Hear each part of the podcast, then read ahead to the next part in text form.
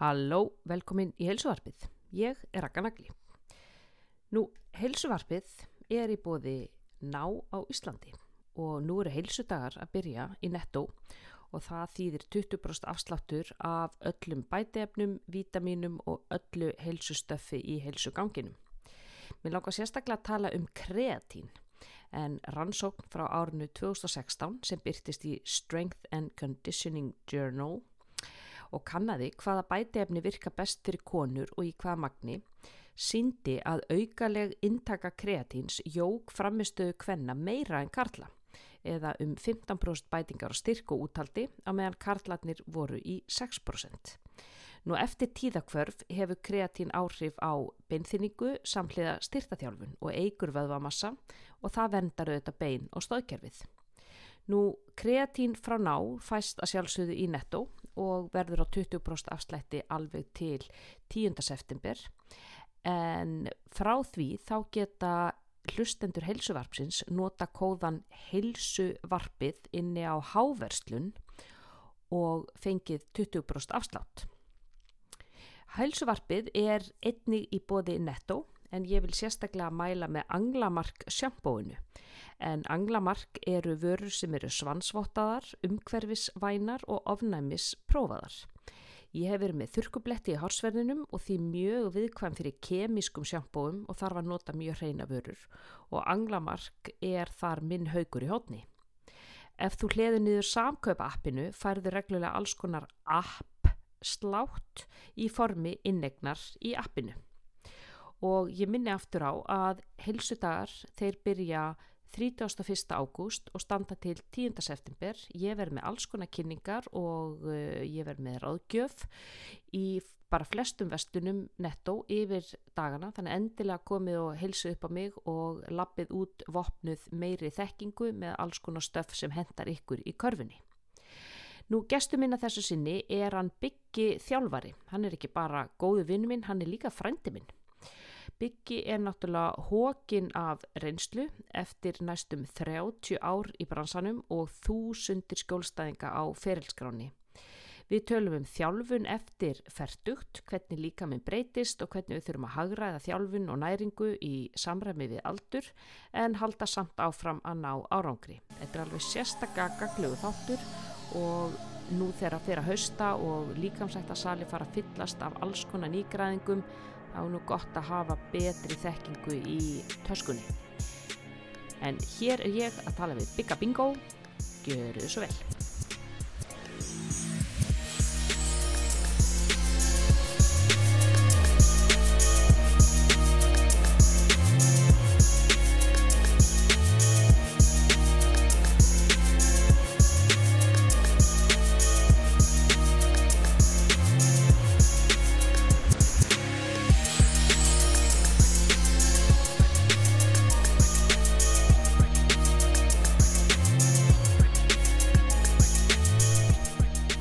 Blessaðu Biggi, Blessuð hvað segir þið? Ég segi gott maður það ekki? Jú, jú, þrátt fyrir dökk skí sko að þá eins og þú vorst að tala um fyrst um daginn þá er þetta þetta með að þakklætið, finna, finna, Finna þakklætið þakklætið. Ég, ég áró, það er rosa djúft á þakklætinu núna eftir Já. heilan mánuð af engu. Já, ég veit að þetta er að því við fórum að tala um þakklæti sko þá var ég að hugsa hérna á leiðina því ég var að horfa á morgunsjó, danska morgunsjóðan fyrir morgun Já. og þá var hérna viðtalið danska konu sem var, sem sagt, var hérna mótel áður fyrir og bara veist, ótrúlega myndalega og flott kona og, og hérna mikið seti fyrir á fossíðum og svo framvegis og hún lendi því að var að fríi með fjölskyldinu og fjall útbyrðis og fóturinn á hennu festist í skrúin á bátnum. Nei, nema uh, og það náttúrulega hefur sínar afleggingar eins og við getum ímynda okkur og, og hérna við tók bara gríðarlega endurhæfing og, og hérna þurfti að veist skeru upp á henni fótleikin á, á tvekja daga fresti til þess að reyna að laga og laga og, og þú veist, misti ekki fótleikin þó að það eru 50% líkur á því en, en mikið sár og bara veist ekki, ekki fögur sjónum að segja þannig. Og þá var spurði sjónaskonan hvernig hún hefði komist í gegnum það og þá sá hún með þakklæti sá hún. Já, og sálfræðingurinn hefði kent henni það að, að hérna, þakka fyrir litlu hlutina þegar nú satt hún hann inn á spítalanum allan daginn í marga marga vikur.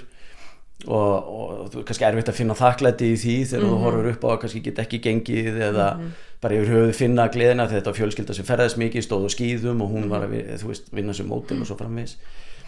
En, en þá saði hann henni þetta þú veist, fyndu lutli hlutina, hún fór að tilenga sér það til dæmis bara ef að tebollin sem hún fekk á mótnana var ekstra góður þá ákvað hann að fylla sér þakklæti eða ef að læknin eða hjúgrunakonan eða starfsmæður sem, eða starfskonan sem kom inn var ekstra notalega kom ekstra vel fram og þá hann að þakka fyrir það sko. Já, já, hún sagði þetta hefði verið sitt hvað maður að segja svona um, sín leið til þess að finna jákvæðin og, og bara þakklæti í aðstæðanu sem Já. annars voru ömulegar já, þannig að, hérna, ég held að svona, svona því vorum að tala um veðrið þá, og ég var að hugsa þetta líka á leiðinni sko, þetta með þakklæti, það er samt svo margt sem maður getur þakka fyrir sko. algjörlega til dæmis getur við náttúrulega mjög þakklæti ef þetta podcast hefnast eftir smá, eftir smá byrjun öðruleika tæknileg, tæknileg öðruleika þá erum við mjög þakklátt á eftir. Já, en þakklætt er einmitt svona, svona þessi kvöldi svona glimmer það er akkurat þannig. Já, veist, það er svona þetta sem að svona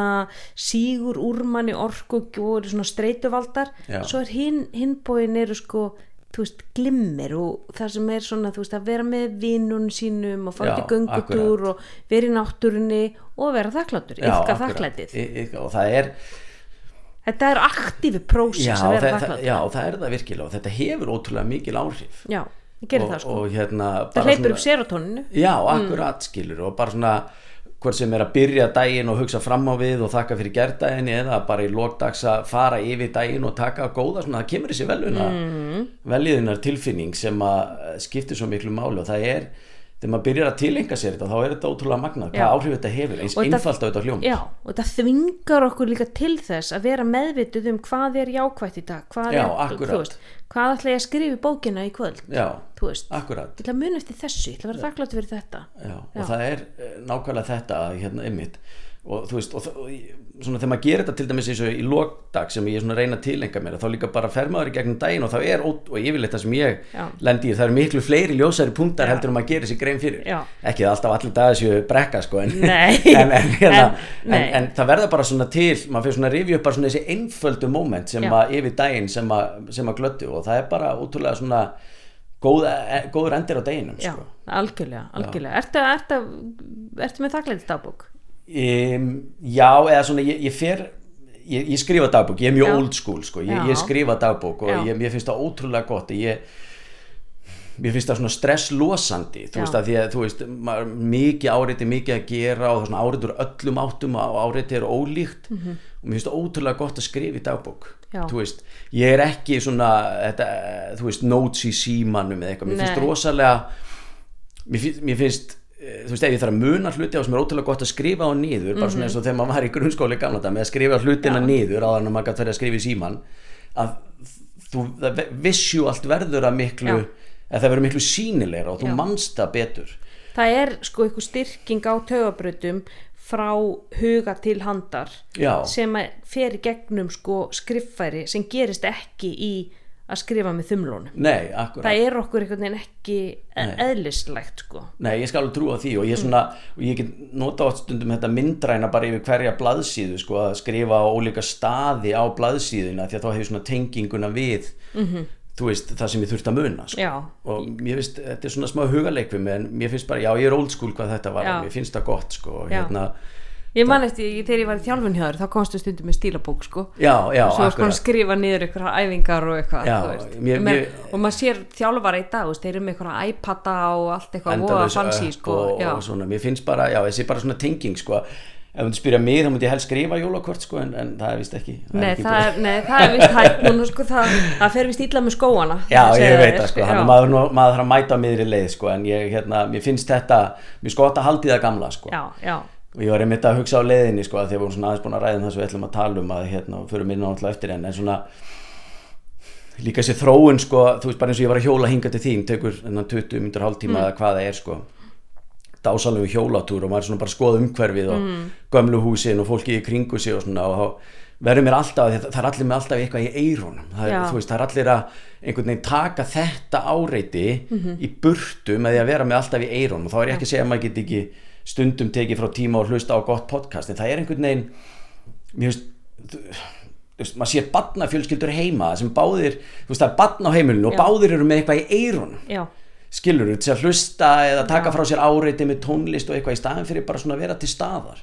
Um, við vorum um þetta að tala um þetta daginn hérna við Snorri að þú veist það er kannski svona það er ekki nema kannski svona 40 ár síðan að mannskeppnin fór að hlusta á eitthvað skilji þegar, þegar bara Walkmanin kom Já, þú veist, já. kassettu þú veist, hérna vasadiskóið kom Já. að markað, þú veist, mér kannski ég veit ekki 1980 eða já, já, akkurat. Þú veist, þannig að það er kannski bara 40 ár síðan. En þú veist, núna er þetta komið á það stig að sko, það eru bara allir með alltaf í eironum stanslust, þú veist, fólki í ræktinni er alltaf með eitthvað í eironum þú veist, það er ekki að ná sambandi við neitt nema, þú veist, bara pikki hann. Og hvernig var þetta þegar að, að því nú verið að horfa á Arnold dokumentari um daginn, þú veist þar voru þeir bara hlusta, það var eins og tónlist í salnum, Nei, skilur nei. þú veist, þar voru þeir bara hlusta á bara lóðin bara já, já, akkurat, akkurat. Þannig við erum alltaf að sko distrakt okkur já, með og, já, ég held líka hluti af þessu sé að þú ert einhvern veginn að blokkera kannski tilfinningar. Já, skilur þú veist, mér finnst þetta veist, það þarf ekki að hugsa Já, þú ert bara akkurat. einbyttaðir í því sem að einhver er að segja Já, í, þú veist, podcasti eða þú ert einbyttaðir tónlistinni en þú þarft ekki að reflekta inn á við. Nei, þú, akkurat, þú, nei. þú þarft ekki að vera til staðar. Þú þarft ekki að vera takast á við tilfinningarnar Nei. eða þú veist bara jafnvel það að vera einn eða og, og þetta er svona, þú veist eins og bara þegar uh, mætti koni í morgun og var að keira badni sitt í, í leikskólan, hún með svona stóra headphones og að hlusta á eitthvað, samt situr badni fyrir fram að því í kerrun og þú ert ekki að tala eða, nei. Þú ert skilurðu? ekki, þú ert ekki í samskiptum við barnið á meðan.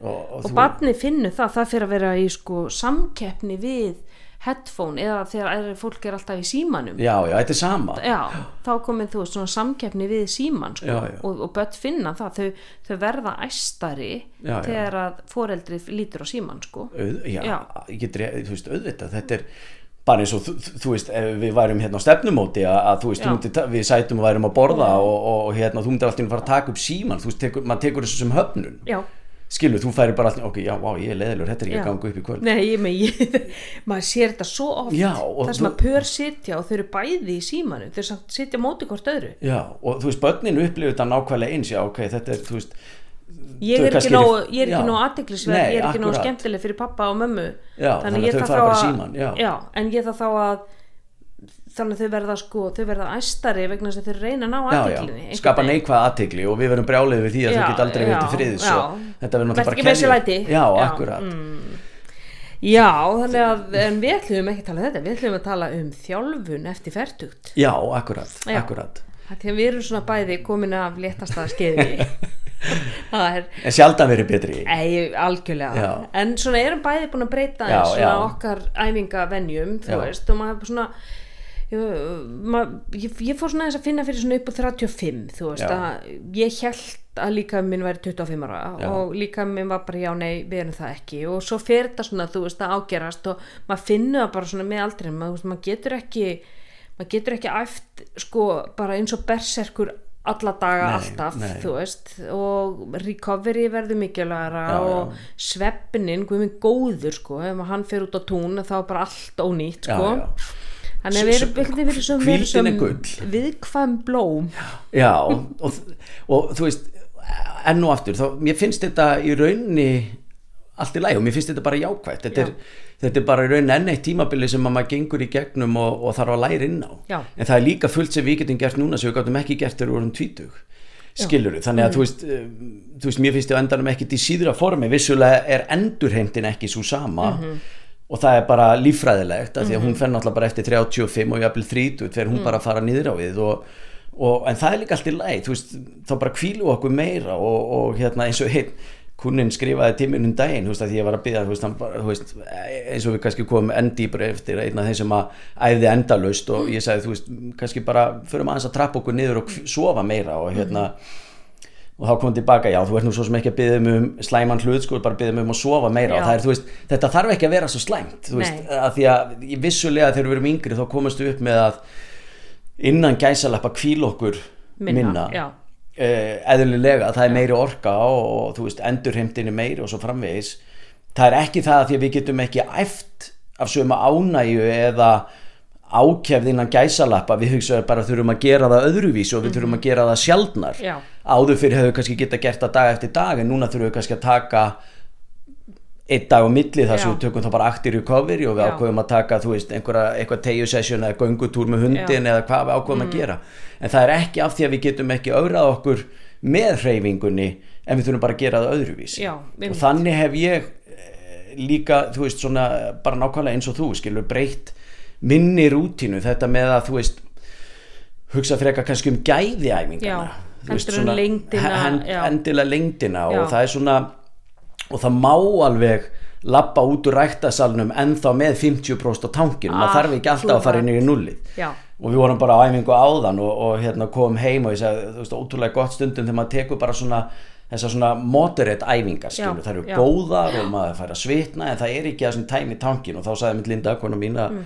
Að hérna, já, ég veist bara þú ert að berja mig í gegnum að þú vorum á leiðinni heima, ég hef ekki tæmt mig og þá fórum við að eiga þessa umræðu. Já. að þú veist, þe- þetta er svo mikilvægt að við, að við kennum okkur líka þetta að það er alltaf að skilja eftir. Já, þetta er svona eins og að út með símaðinn þú veist, ef að símiðin er alltaf að fara nýr í null þá þarf það að setja hann svo rosalega lengi í samband Já, til þess að hann hlaði sig upp aftur. Já. og erum við með bara tækifæri til þess að fara í þannig recovery eftir hver einustu æfingu að við erum að sofa, borða, Akkurat. slaka þú veist, við er, getum það við erum að lifa lífinu, þú veist, Já. við þurfum að mæta í vinnu og við þurfum að sækja börn í skóla við þurfum að fara í búðina og skilur þannig að það dreina líka batterið auðvita og það, það, það, og það er akkurat þessi punktur sem gleymis bara svo Mhm. oft og maður fær til sín svo marga viðskiptavinn og það gildir engu hvort að viðkomandi sé á háu leveli í, í jafnvel íþróttamaður eða kona í, í sinn íþróttagrein eða bara hinn venjulega einstaklingu það er alltaf allir með sömu kröfunar á að við eigum að geta performera hundra á hverjum einasta degi en það er ekki eins og þú segir breytunar eru svo margar. Það getur verið, þú veist, veikur krakki á heimilinu eða það getur verið mikið álægi í vinnunni eða það getur verið fimm tíma svefnin eða ég var ekki að næra mig nóg í gær sem er af áhrif á daginn í dag eða það er þú veist, búið erfitt í fjölskyldunni eða það var yfirleitt heima, þú veist, það getur verið þúsund þætti sem hafa áhrif á og, en fólk oft setur þetta fyrir utan og ætla samt sem áður að það geti performera 100% og þá kemur aftur aldurinn þú veist að þetta er ekki endilega bara aukin aldur heldur þegar þú ert 17, 18, 19, 20 það er rosalega fáir streituvaldar í lífinu það er bara, þú veist, Já, já. hef ég efni á að fara á djammið næstu Já, ekki, já, það já, er svona já. um Já, já. Já, akkúrat. en, en þú veist, svo eftir því sem við eldumst það, það það það eru börn, það eru, eru foreldra okkar. Já, foreldra já, okkar já. eru að fara að eldast já, og þau eru kannski farin að gleyma og þau eru farin að vera streituvaldur líka. Og þú bara fann að taka meiri ábyrgð meiri ábyrgð og, þú kannski komin í herri stöðu í Akkúrat, vinnunni og akkúrat. þú veist og það eru fjáraslega skuldbindingar Akkúrat. og allt þetta, þetta er allt streituvaldur sem hafa áhrif á recoveryið. Já, algjörlega. Og, það, og það er þess vegna sem að ég svona, þú veist, í svona í setni tíð þú veist, að því að mín svona fortíð í reyfingu og svo framvegis er að maður náttúrulega gekk bara á sig endalust mm en síðan er það líka þetta maður, og síðan náttúrulega bara eins og þú segir og síðan koma bara fleiri þættir inn í. En síðan er það líka þetta með uh, að, þú veist, vilja áfram líða vel í kringum það að reyfa sig. já, þú veist, hafa gaman af fyrir mér, finnst, þú veist, mér finnst gaman af ég, ég get alveg fengið til mín viðskiptafinni sem finnst ekki sérstaklega gaman að reyfa sem þeir vita að þeir þurfa að gera en mér finnst þetta actually gaman og þetta er gefandi svolítið eins og þú þekkir, þetta nærir líkam á sál og þá vil ég svolítið geta notið þess í staðin fyrir að keira mig alltaf í kaf og vera sem tvær vikur ná mér upp aftur og ég komið meðsli og þarf að vinna mig út í því að, að þá finnst mér þú veist, réttara að lesa hvern dag fyrir sig og læra að það er stundum bara alltaf að vera 70% akkurat en við erum rosalega upptekinn af því að vera alltaf 100% Já. Við erum, þú veist það er rosalega bara samfélagið í dag gerð krafum að vera 100% En tekur eftir því hjá þínum skjólstæðum eða þú veist þínum kúnum að þeir vilja æfa meira heldur en að þeir vilja æfa minna. Já, já, já, Já. og það er á endanum það sem flestir halda er þurfa að gera til að ná árangri. Já. en það sem ég gerir við ótrúlega marga Uh, og er rauninni oft á tím staðstan hlutin af mínum viðskiptar sem koma tíminn sem eru nú þegar að æfa náttúrulega ekki einhvern sem er alveg að byrja en fyrir þá sem eru nú þegar að æfa er að draga úr álægi mm að því að flestir eru að æfa allt og mikið og, og hérna og þó þeir finnist þeir mm, og, og þó að ég horfi á dagskaran og wow, þetta er mikið þá finnst þeir samt ekki verið að æfa nóg. Og það sem er náttúrulega líka er og þú veist, þe- þetta er líka þetta sko, þú veist, ok, ég, er hérna, ég er að æfa fullt ég skil ekki akkur ég bæti mikið en ég ákvað bara að fara að æfa eins meira. Skil ekki akkur ég bæti mikið, ég bara eika eins álæg þá fara að koma að þér fer að líða illi við því að það er aldrei neina bæting og skilur ekkit af hverju fyrsta Lík- mál er já, hann, hann nær aldrei að vinna úr öllu þessu álægi mm þannig að, að hérna, ég gerir rosalega mikið af því að draga úr álægi og þá fer allt í hún að koma líða, hún fer að sofa betur það fer að vera betri matalist þú fer bara að ná, þú veist, fer að líða betur heilt yfir yfir daginn. Þú fer að performera betur af því að líka minn fer að skila þessu tilbaka hann fer að endur heimta hraðar og fer allt í hún að sína framfarir sem að voru bara ekki til staðar þannig að, hérna já, það, það er rosa mikið lenska þetta með og ég, ég skilða alveg að þú veist, auðvitað svona ef maður hugsaður út af við þá var, þú veist, ok, ég, ég er að æfa, það kom eitthvað framfærir Það þarf að æfa meira. það þarf þá að meira, Alltaf meira. meira, alltaf auðvitað meira, myndi meira. maður hugsa það en, en það er svo innilega ekki þannig af því að þú veist, ofta tíðum eru við og það er bara staðreind að það er verið að leggja allt, allt og mikið inn Mhm. og þess vegna eins og með mik- eh, okkar og mínu fólki og okkar fólk sem kemur til dæmis hvort sem er í einstaklum eða þjálfun eða hópaþjálfun þá bara þetta átt að sé á því að bara það geta sér já, einmitt, bara, þrissar í viku að draga þess úr álæðinu þess að það er líka það sko því þú vilt koma á næstu æfingu og geta sett svolítið mikið fútt í æfinguna Akkúrat. þegar að þú æfir þegar þú æfir Já, í staðin fyrir að byrja þur og, já, ef þú ert bara 5-6 dagi í viku alltaf á bara, Já. þú veist, háasíðinu þá nærðu ekki og það er það sem maður finnur þegar maður byrjar að, þú veist, kvíla sig betur þá nær maður einhvern veginn, maður nær þessu svona þessum, þessu power Já, akkurat, þessi kraftur. já, Já. Ég, var að, ég var að taka fætur í morgun og, veist, og ég var einmitt að pæli veist, ég, ég er örgulega eina fáum konu sem að veist það veist, já, ég er á síðasta repsun og ég er bara en það, bara, það er það sem ég þarf til þess að sko, ég sé að taka á því þú veist, og þetta, þetta getur ekki ef þú varst á sko brjálaræfingu gær nærði þið eins og bara einhver spörfugl. Já, já, já, veist, svafst í fimm tíma vegna þess að streytukerfið var á yfirsnúningu og þú náður einhvern veginn ekki almennilega að sofa vel. Þú nærði ekki þessu þessu poweri. Nei, og ég, nei, bara, ég tala reynslu já, já, já, algjörlega og bara sömulegði sér og það, og það er þetta en, en það sem er kannski í þessu er að þetta verður oft þetta getur líka orðið kvíðavalda því að þú veist það sem við erum að tala um hér og fyrir okkur sem að áður fyrir gátum æft miklu meira eða Mhm. af meiri krafti og endur heimtum hraðar og svona, það er líka það krefst alveg ákveðins vilja og, og einbeitingar og, og, og, bara svona sjálfs eh, hvað maður að segja, svona sjálfstýrs að geta gert það, því að þú, þú þarft að temja þér ótrúlega marga nýja hluti því Mhm. til dæmis, það er auðveldar að fara á æfingu en ekki, skilur já, mig uh, og, og hérna uh, og það, þú veist þegar maður er vanur að æfa mikið allt í nú bara veist, að fara að sleppa að æfa tóta í viku getur bara verið ótrúlega mikið skref eða Já. sætta sig við að hver æfing sé ekki all in, það er bara ótrúlega mikið það skref kemur, eða það kemur ákveðin kvíði sko. það kemur ákveðin kvíði og, já. og, og, það, og það að æfa getur náttúrulega árátta eins og allt annað algjörlega og er, og er, og það já, mörgum. og, og hérna mm, þannig að þú þarf veist svona einhvern veginn að tilekka sér það huga fara ok, ef ég prófa þetta ég get alltaf farið tilbaka í hitt algjör Kilu, ef að þetta virkar ekki fyrir mig og ég menn allt fer bara á felguna og Já, ég menn já. ég missi bara niður allan árangur og allt, allar þessar katastrófu hugsanir sem þú farið Já, já. gegnum þú veist, þá, þá get ég alltaf farið tilbaka, ræktin er alltaf þarna hún er alltaf opinn og ég get þá bara farið þá og verið þar sjöta að vikuna eins og ég var að gera vissulega og, það, og við megum líka ekki gleyma að þetta kemur í í fösum, þetta kemur í, í svona áfengum ef orðum það þannig. Og það, þú veist, við stjórnum því ekkert alltaf. Alveg eins og, þú veist, líkaminn þetta er svona eins og þegar fólk er að létta sig eða jafnvel þingja sig og svona, þú veist, það skilur ekki ok, beti, ég er búin að leggja inn mest núna en, en árangurinn kom þegar ég laði hvað minnstinn. Eða Já, skilur mig, já, skilur já. svona þegar þú átt hvað minnst von á því. Og þannig er bara líkaminn, hann hann, e, þú veist, Hann hann er er, að svolítið já. óskiljanlegur Já, og hann er hérna bara vinnur einmitt, við höldum alltaf sko einmitt, og við tökum, við tökum bara fytutopp fólk sem hefur vilt letast grenna sig. Það er ekki línulegt ferli alls ekki, Og og á ekki að vera nei, það. og það heldur bara að leiðu byrja að þá muni bara viktin fara niður bara alveg systematíst alveg já. bara, þú veist en hún fer upp og niður og skilju, það eru, eru, eru sveiflur í hormonabúskapnum, Já, já. vökvabúskapnum þú veist, fórst á klósetti þú veist, það bara borðaðu þú veist, mikið salt eða Já, veist, einhver stóra máltíð gerði þetta er bara endalisi faktorar Já. en það kemur einmitt þetta þú veist, þessi örvænting sem grýpur um Akkúrat. sig ef þetta er ekki bara algjörlega línulegt ferli en það er svo líka með vinni í svona hann vinnur í skrefum. hann vinnur í svona skrifum, svona stökkum og maður finnur þetta svolítið að maður læri nýtt tungumál Já, svo já, já, já. þú veist, mér, mann, mann þegar þú veist, ég var að ná dönskunni, stundu fannst mér bara ég bara, hvað er að mér? Já, já. af hverju næ ég ekki þessu tungumál svo bara einhvern veginn allt í henni, búm Já. heyrðu, shit, ég bara hún svolítið góð.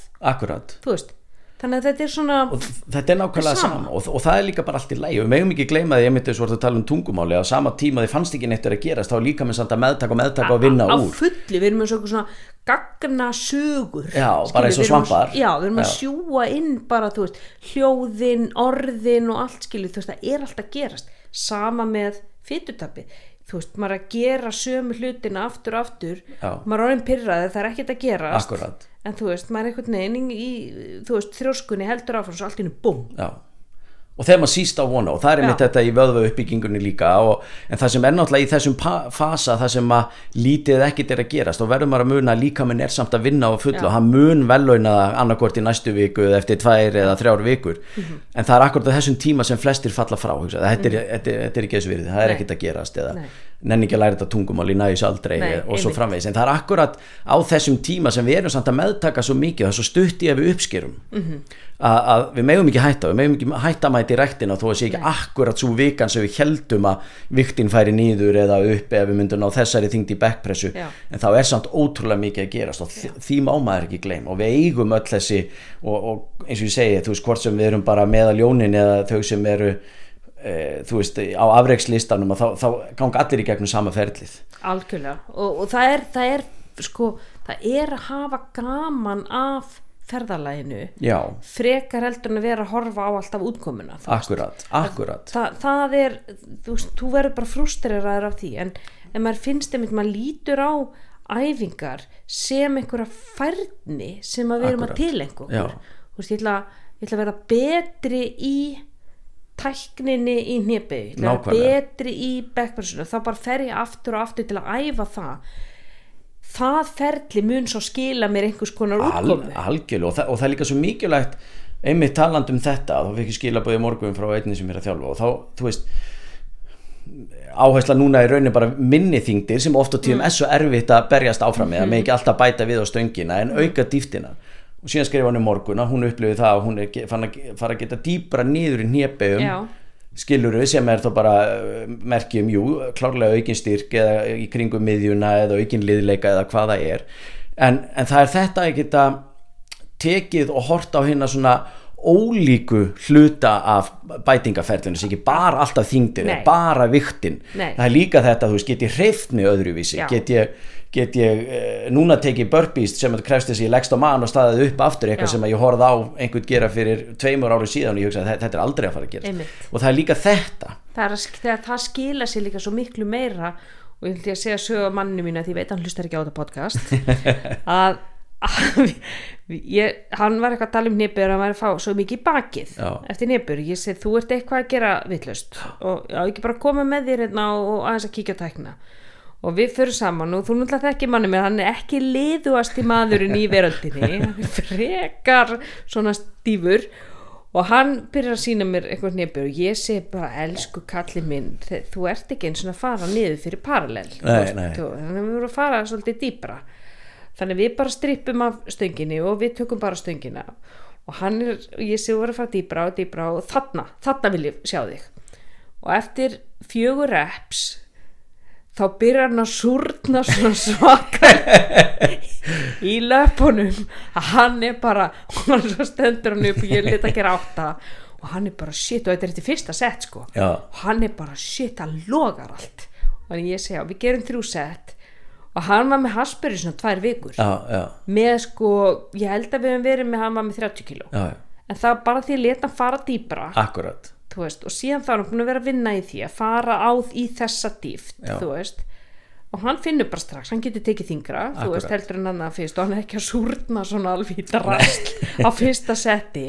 En þetta bara tæknin skiptir öllu og það að fara inn og bara já, nú er ég að fara æfa þessa tækni, ég er Já. ekki að fara að reyna að taka ógeðslega þungt, af því oft er það bara svolítið frárindandi, þú veist Akkurat. dagur er bara svolítið þreyttur og þú veist, þetta er ekki alveg dagun en ég þarf að vera með þetta hlass á bakinu Já, já, já, þetta já. verður vond og þetta verður erfitt taktu bara eins letara og prófaðu bara, þú veist, getur farið dýbra niður eða getur passa einhvern veginn upp á fótastöðuna þú veist, er Akkurat. eitthvað sem getur unnið í í dag sem mun skila þér kannski í næstu viku út hressari Já, og það er einmitt þetta að sjá bara þetta svona, svona þess að jákvæðinni í ferlinu það er svo margt og, og, og, og hérna það er svo margt gott að gerast alltaf Mhm. uh, og, og við megum ekki gleyma því og þess vegna þú veist talandi um okkar aldur og það er líka það sem gerist náttúrulega margir okkar aldri því miður og þú veist kannski 50 plus það telja bara já ég er 50 plus ja. það, það tekur ekki að fara að byrja á fyrir ræktina sko.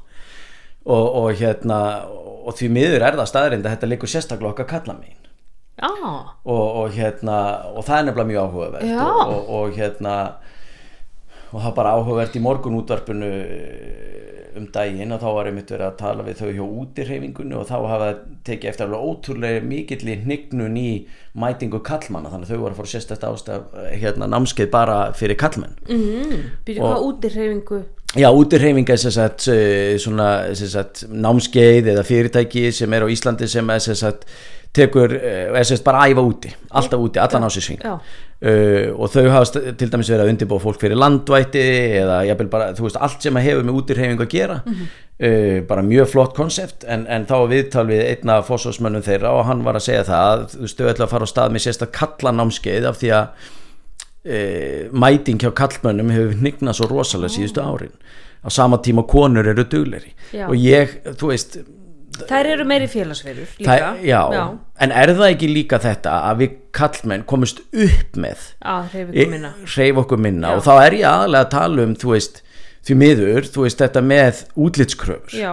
þú veist við samþykjum það frekar að þú veist það séu fimm auka kíló að því þá er þetta bara velsælisbumban. Já, já, en ef að konan er, já ok, hún er bara að slaka allt og mikið á, sko, hún er að taka sig, skilur, það er ekkit að gera og, og skilur, mér finnst, þú veist, það er líka það er líka hlut af því að, þú veist, því miður sem er svo sorgleitt að því á endanum kallkinn, kvenkinn sama hvar við stöndum í því að þá, þá þurfum við öll að reyfa okkur, heilsunar vegna. Algjörlega. En þú veist, því miður er það einhvern veginn þegar, þú veist, að því við erum nú að tala hérna um aldurinn, að þá þegar aldurinn færist yfir þá komast kallmenn því miður frekar, það er meira að gera kröfur á að konur líti betur út æfina á Já, enda heldur en kallmenn já, það er einhvern veginn það, sko bumban er samþykk samþyktari á kallmönnum heldur en auka kíló á, á konum og það er einmitt eins og segja það er þessar útlits já, því kröfur miður. Og það, þú veist, kallmenn líka þeir komast upp með sko, þeir bara þeir eru með hardgerðari líkama Já, þeir já. náttúrulega eru ekki eins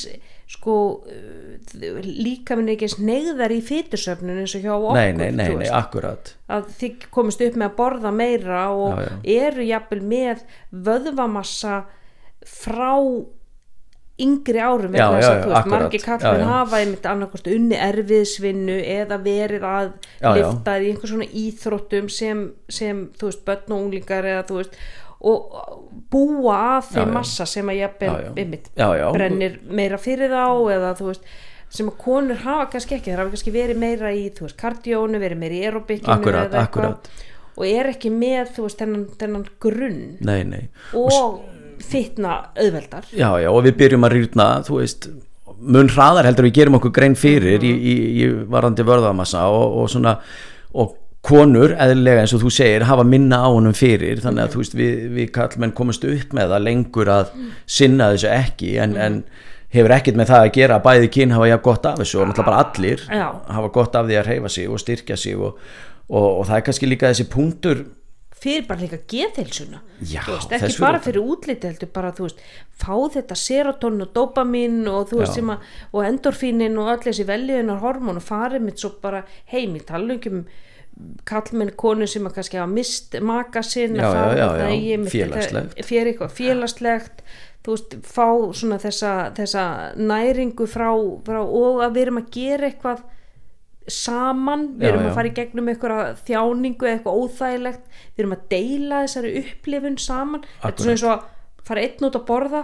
ekki alveg Nei, að fara með nei, nei. einhverjum við Nei, nei. viljum deila upplifun já, já, sjálfsögðu, akkurat en, en, en auðvitað vonar maður náttúrulega líka að þú veist þetta er bara svolítið skrítið sko að því á sama tíma um, og þörfin hefur aldrei verið meiri fyrir að fólk hreyfi sig hvort sem það eru börn eða úlingar eða fullornir að þá samt sem áður er alltaf færri og færri sem gera það. Uh, og það er svo sorglegt en ég held að hlutaði við líka að við erum að flækita fyrir fólki.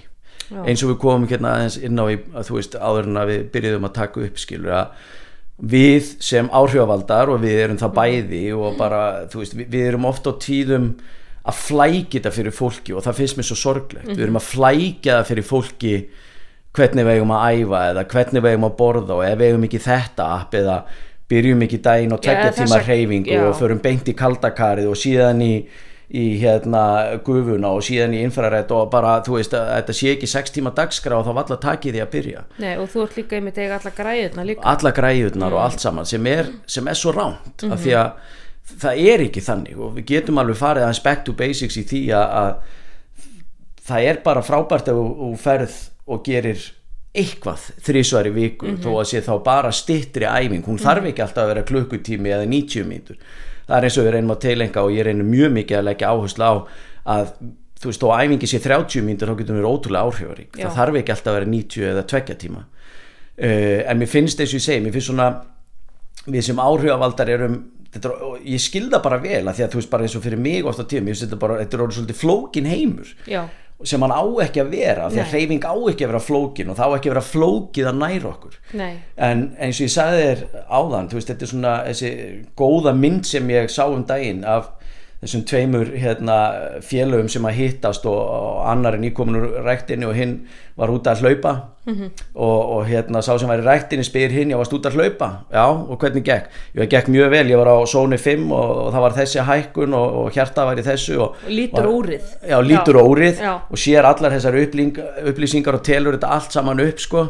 þú veist, eins og ég segi sónið og púlsin og hraðan og skrefa fjöldan og allt og, og hinn spyr hann þegar hann er búin að þylja þetta allt saman upp já, og var gaman. Og þá lítur sá hinn sami úr nei, heyrðu, úri segir það nú ekkit hvort þetta verið gaman eða nei, ekki sko. Nei, og þetta, þetta, þetta er svo rosalega lifandi staða yfir það hvernig þessi heimur og orðin, þetta er orðið svo flóki fyrir venjulega mann er þetta nákvæmlega svona. Já, veist, ef ég er ekki að hlaupa á zóni 5 eða þú veist, næ þessum skrefa fjölda og svo framvegis að þá er þetta einhvern veginn ekki, ekki að virka. Nei. en það er, það, þú veist, vissulega þegar við erum komin mun lengra eins og ég segi, þú veist, ég er að þjálfa fólk sem að það sem þessi tækni nýtist. En þetta er ekki það sem hinn venjulegi maður þarf að byrja á að tilenga sér. Nei, byrjum bara á að fara út að labba og vinnum okkur síðan upp í það að fara að skokka og emmi tökum leið mér ver var stóðkerfi að að, hérna láta vita var þetta mikið og lítið því það er á endanum miklu mikilvægara heldur en okkur tíma það hvort að úrið sé að láta mig vita Já. og því miður er það með þessu öppa og úrin og svo frammeðis eins og ég segi þau geta virkilega verið góð fyrir marga en það er einhvern veginn orðið þannig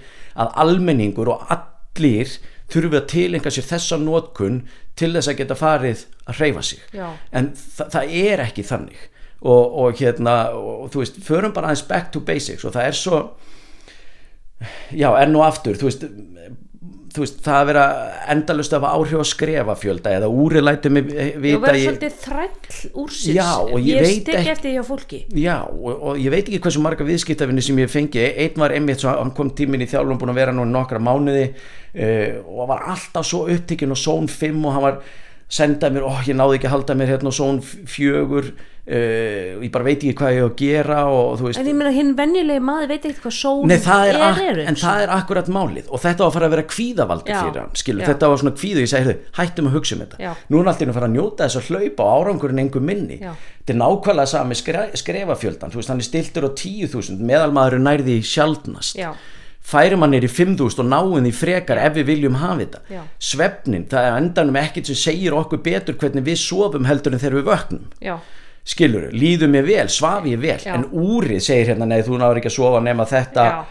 vel í þú ég sá einmitt rosa gott hérna vídeo sem einhver postaði eh, sem gerði það var einhver erlend hérna síðan sem er svona næringafræðingar sem eru með, sem er einmitt að tala um þetta þú veist að þegar við vöknum þá vitum við svona, þú veist, erum við recovered eða ekki, Já. skilur, svaf ég vel eða ekki Já, já. þú veist, er ég eh, recovered eftir þessa æfingu það, Já. er alltaf verið að horfa úrið með það en þá var hún einmitt, hún var í svona risastóri úlpu og var alveg að svitna á fullu og hinn segi við hana hérna, er þér ekki heitt og þá lítur hún á úrið uh, ég veit það ekki. Ég veit ekki hvort ég ætti að fara úr sér úlpu eða ekki því úri segir það ekki, þetta var nákvæmlega sama. Já, já. og þá erum þetta að segja við erum með thermostat í Já. líkamannum sem segir okkur ef okkur er heitt. Líka ef okkur er kalt, ef við þarf að fara í úlpu. En allt í einu erum við hætt að reyða okkur á þessi Skynfærin. merki þú veist, bara einhver innri merki líkamanns og þetta er líka með mat. Já, fólk er hætt að hlusta á svengd og settu já, og er farið að, þú veist, logga inn eitthvað, eitthvað kaloríur og, og makrós og eitthvað. Og svo er sko, hef ég séð svolítið oft ég er að klára makrós dagsins Já. og það er eitthvað svona random, þú veist, það er kannski döðlur og möndlur eða eitthvað, og ég bara byrja, hvernig, þú veist, hvað svona er þetta?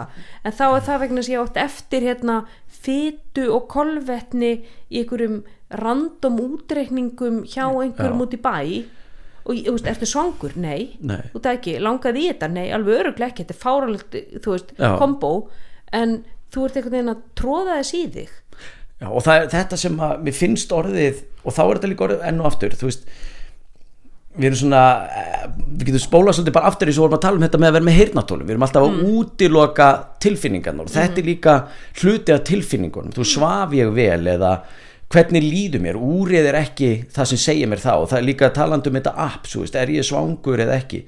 Um, og það er líka með þessi upp að þau eru svona, þetta fara að vera svo rosalega streituvaldar, ég veit ekki hvað ég fæ til mín mikið af fólki sem er orðið háði að kíkja á þetta og ungt fólk sem er í raunni lifir í gegnum þessi upp uh, að öllu leiti á þess að vita nokkuð um það hvað þetta þýðir. Mm.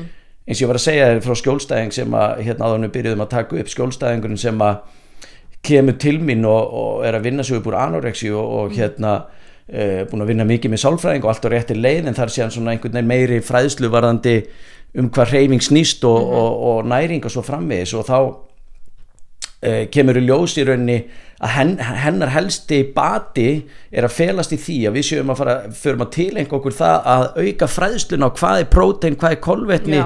og, og hvað er, er, er fita hún er ekki hugmyndum Nei, þetta er ekki kent í skólum Nei, ég veit að þetta er ekki kent í skólum en það er samt sem áður logar internetið við eigum að forðast kolvetni, við eigum að Já. forðast fytu Já. og hvernig getum við verið annað, eh, sko, hvernig getum við verið hiss á því að ungt fólk sé rætt við að koma út í þjóðfélagi þegar við erum búin að einhvern veginn gera allt rautt, það er svona rauð flögg allstæður, má ekki bora kolvetni. Ég má ekki, ég má ekki hreyfa mig svona. akkur allir svona vondir við kolvetni? Nei, það er það sem er og þú veist eins og, eins og hún sagði sko, hún fór allt í hennu bara svona tilenga sér það að því vorum búin að ræða saman. Hún fór að skilja okkur kolvetni þau actually nýtast mér eftir æfingar eða Já, fyrir æfingar, já. þá fór hún að acceptera, skilu viðurkenna það og það var hennar bati af því að fyrir var þetta bara svona þú veist bara no-go. Já. og hún vissi ekkert af hverju þetta var no-go það var bara því hún var búin að læra það af netinu að Já. kolvetni væri bannvænt eða skiluru bara hættulegt. Já.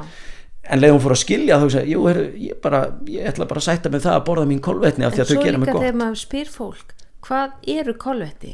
Það kemur alltaf fyrst bröð og pasta. Já, já, en það er líka því að búið að kenna það. Já, og alltaf fyrst og ég bara já en, byrju, en hvað með karteblur og hrísgrjón og bygg og kúskús og þú veist, eru þetta ekki og havramjöl og hvernig myndir flokka það? Já, já, já þú veist, það er alltaf þetta bara bröð og pasta ergo, öll kolvetni eru slæm Já, þú veist, og ég meina bröð og pasta er heldur ekkert slæmt. B- passaði bara upp á magni það liggur allt í því. Já. en þú veist, ég man til dæmis þegar ég var að byrja 1999 þá var, þá var allt í lagi með kolvetnin en við ætlum alls ekki bara fytu nei, nei, akkurat. Að það var alltaf lófatt alls konar lófatt einhverjar vörur og þú veist, alls ekki borða eitthvað, þú veist, feit kjöt og bla, þú veist, svo bara spólu við hérna, þú veist 25 ár fram í tíman og allt í henni bara, þú veist, bara keto fita út um allt og en alls ekki kolvetni, skilja, en þetta er bara eitthvað svona tísku, hvað er tísku og hvað, það er með þetta eins og aðna það er af því að, að, að það er einhverju sem græða á þessu. Alltaf og, og, hérna, og því miður finnst mér að því að tala um okkur sem áhrifavalda og alla þá sem er á netinu og er að eh, selja æfingar eða eitthvað tengt mataræð og svona. Við erum búin að kenna fólki það að ef þetta er of einfalt þá er of gott sem að vera satt. já, og það er svo sorglegt Já. þú veist, einfalt er bara frábært. Einfalt er frábært, en ég meina þú veist, þú pælir í, hvað langt síðan þú byrjaði að lifta þú varst þetta bara eitthvað 13, 14 ára 13 ára í G80 Já, og veist, ég var eh, 19, já, við erum bæði ennþá að gera já, við erum bæði ennþá að taka backpressu já, já. the basic shit Já, já, æfingu. protein shake eftir æfingu veist Og banana fyrir æfingu. og, og kolvetti með því, þannig ég meina þetta er þetta, þetta er ekkit, ég vissum til dæmis að ég horfði um þetta á Arnold dokumentarið hann er ennþá að gera mjög svipað hluti og hann var að gera sko í, í Östuríki já, já, algjörlega. Og, og þú veist, vissulega flæðir e, þú veist, færist, við færumst næri einhver í tækni og reynslu og eitthvað svona en, en enn og aftur, mér finnst bara svo sorglegt að því ég tala bara svo mikill í reynslu með það fólk sem að kemur til mín að þetta með, það verður svo mikill léttir yfir fólki þegar það átta sig á, þetta þarf ekki að vera flókið Nei. ég þarf ekki að æfa fimm tíma á dag tján á árengu ég er ekki að gera kröfur um það það sem er líka, því að við hérna sem áhrifaldin fólk kemur til mín og, og heldur fyrirfram að ég muni gera kröfu á það að þurfa Já. að hafa tíma að æfa þrísor á dag Já. eða þurfa að geta þetta uh, og fyrir að afsaka sér nei, ég ásamt ekki innan tíma, ég vona samt þú getur aðstóða mig Já, eða skiluru og sem er svo kólránt að þetta fögnum við hverjum þeim sem að vil taka til í, í sínu lífi og bæta inn reyfingu eða taka einn stil í og hvað hva, hefur tíma í? Já. hefur tíma í að fara einsnu viku okkur frábært byrjum að það bara byrju við það byrjum við, 20 Já. mínútur einsnu viku, bara flott. Það verður að sko nýlega rannsókn sem sýnir tvær mínútur reyfingu á dag en nótið þess að koma í veg fyrir hjartasjúkdóma. Já, já, erum ekki að tala meira um það? þú veist, Já, já.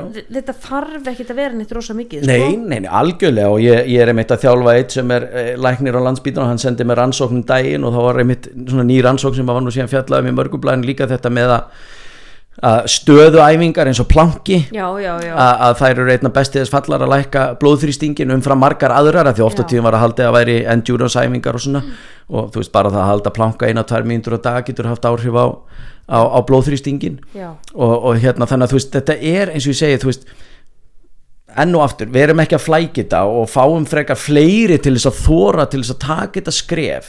Hvort sem það er ungt fólk eða fólk á okkar aldri uh, eða jafnvel eldra að, að fólk, þú veist það er allir velkamnur að fara að reyfa sig, þú þarft ekki að vera bundin í upp eða bundin í í, í, í síman eða hafa einhverja fyrirfram ákveðna þekkingu um e, e, skilur að þetta þurfa að vera svona flókið. Mm. en sko ef við tölum um fólk sem er komið yfirfært út þú veist, þú er náttúrulega með fullt af svoleiði skjólstæðingum Já, og já. nú erum við bæði líka komin yfirfært já, út já. þú veist, hverju þurfti þú til dæmis að breyta í þinni þjálfun? Eða hverju hefur þú breytt bara svona í takt við að eldast? Já, ég held sko þú veist, það er svona nokkri þættir. Ég held að eins og vorum að tala um áðan þetta með að viðurkenna kvíldina mm og, og hérna að- leifa sér uh, Er það ef þá sjaldnar í viku? það er bara misjám, stundum kannski kemur vika sem er þrísvar, áður fyrir hefði það verið alveg döðadómi fyrir mig sko. Já.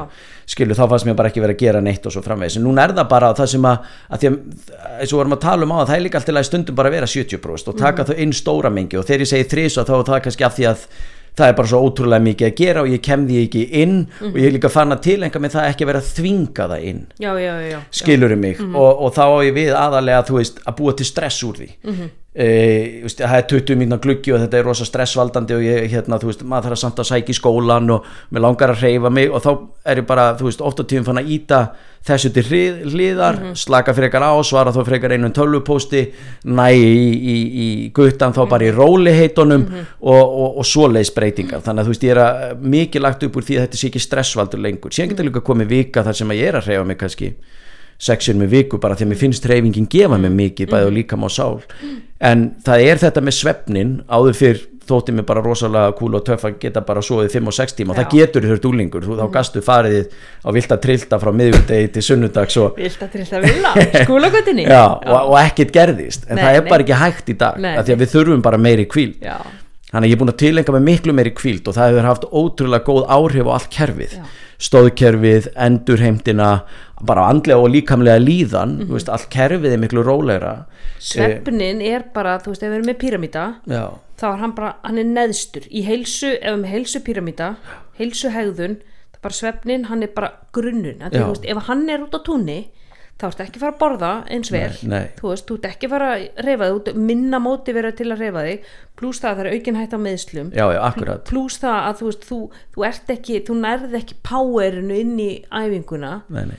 og þú ert heldur ekki ná endurheimtinu eftir æfinguna, nei. skilur, þú veist þannig að það er bara allt í svefninu Akkúrat. Ætla, fólk ætlar að taka til í einhverju byrjaðu þar Það er nákvæmlega þannig Já. og það er líka þetta svona eh, sem mér finnst gott og ég tilengaði mér líka það var kvíld ánsveps Já, sem ég átti rosalega erfitt með alltaf. Þú veist, uh, bara slaka á. Ég held að hann kalli þetta hann hérna Andri Húbermann hann er með eh, hann er rosa stór svona gæi hann er held ég tauga Já. taugasérfræðingur. Hann er, segir, hann kallar þetta held ég NSDR Non-Sleep Deep Rest. Yes, yes, yes, Já. akkurat. Það er nákvæmlega það. Já. og þetta finnst mér ótrúlega gott. Bara, og hvað gerur þá? um, það getur bara verið misjamt það er til dæmis mm, mér finnst til dæmis bara dása, ok, það er kannski ekki hægt mikið þessa daginn, en mér hefur fundist frábær byrjun á deginum að setjast út á svalir þegar sólinn skín og taka bollan þar. 30 mínúti, þetta er svona eins og með Cristiano Ronaldo þegar var spurt mm. hver er lík, líkillin árangurinnum og þá sagði hann ég vissulega æfi mikið en ég tek alltaf 30 mínútur á dag sem ég sit og ger ekki neitt í sólinni. Ah, já, skilur, af því að þú veist D-vitaminið, slökunin og svo framvegis og það er ekki af því að þú veist, kvíld þarf ekki alltaf að vera svefn og við erum alltaf þetta, þú veist, en ég næ ekki að sofa nóg en það er þetta með kvíldina sem er svo, svo margt annað það er til dæmis horfa góðan þátt Já. skilur, sem að þú veist, getur verið 45 mínúna þáttur á Netflix eða hlusta á góða hljóðbók, allt þetta er í byrjar að gera og fyrst Já. bara gera kraftaverk af því að vissulega er það ekki alltaf þannig að við leggjumst á kottan og við bara, nú ætla ég að sopna og þá sopna ég Nei. en það er virkilega uh, að acceptera, að viðurkenna það að kvíld án sveps er líka kraftaverk Já. ég veist ekki hvað ég með marga skjólstæðinga og svo fyrir að fara svona yfir hvernig er dagurinn hjá þér, hvernig er prógramið? Og það er bara hver einasta mínúta er Já, fyllt. Já. og þá oft segi ég okkur hvað með þú veist geturu tekið smá tíma fyrir þig?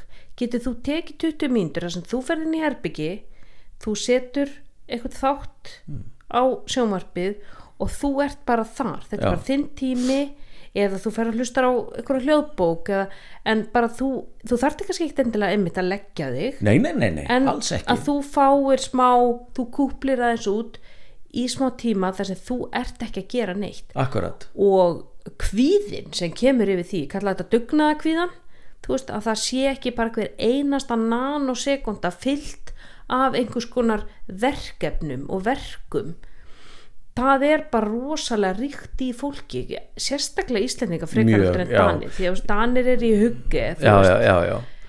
En, en það er líka þetta og líka að, eh, að því að við náttúrulega, einmitt að þú segir Íslendinga við náttúrulega Íslendingar eigum líka sko heimsmyndi því að eiga eh, sérst, svona kvóti eða hvað mann nú kallar á íslensku yfir það að, að það vera ekki latur sko því til dæmis eins og þetta á morgun saði svo lati sko Já. en ég er einmitt vann að tilenga með það að færa bara verkefni yfir á morgundag Já.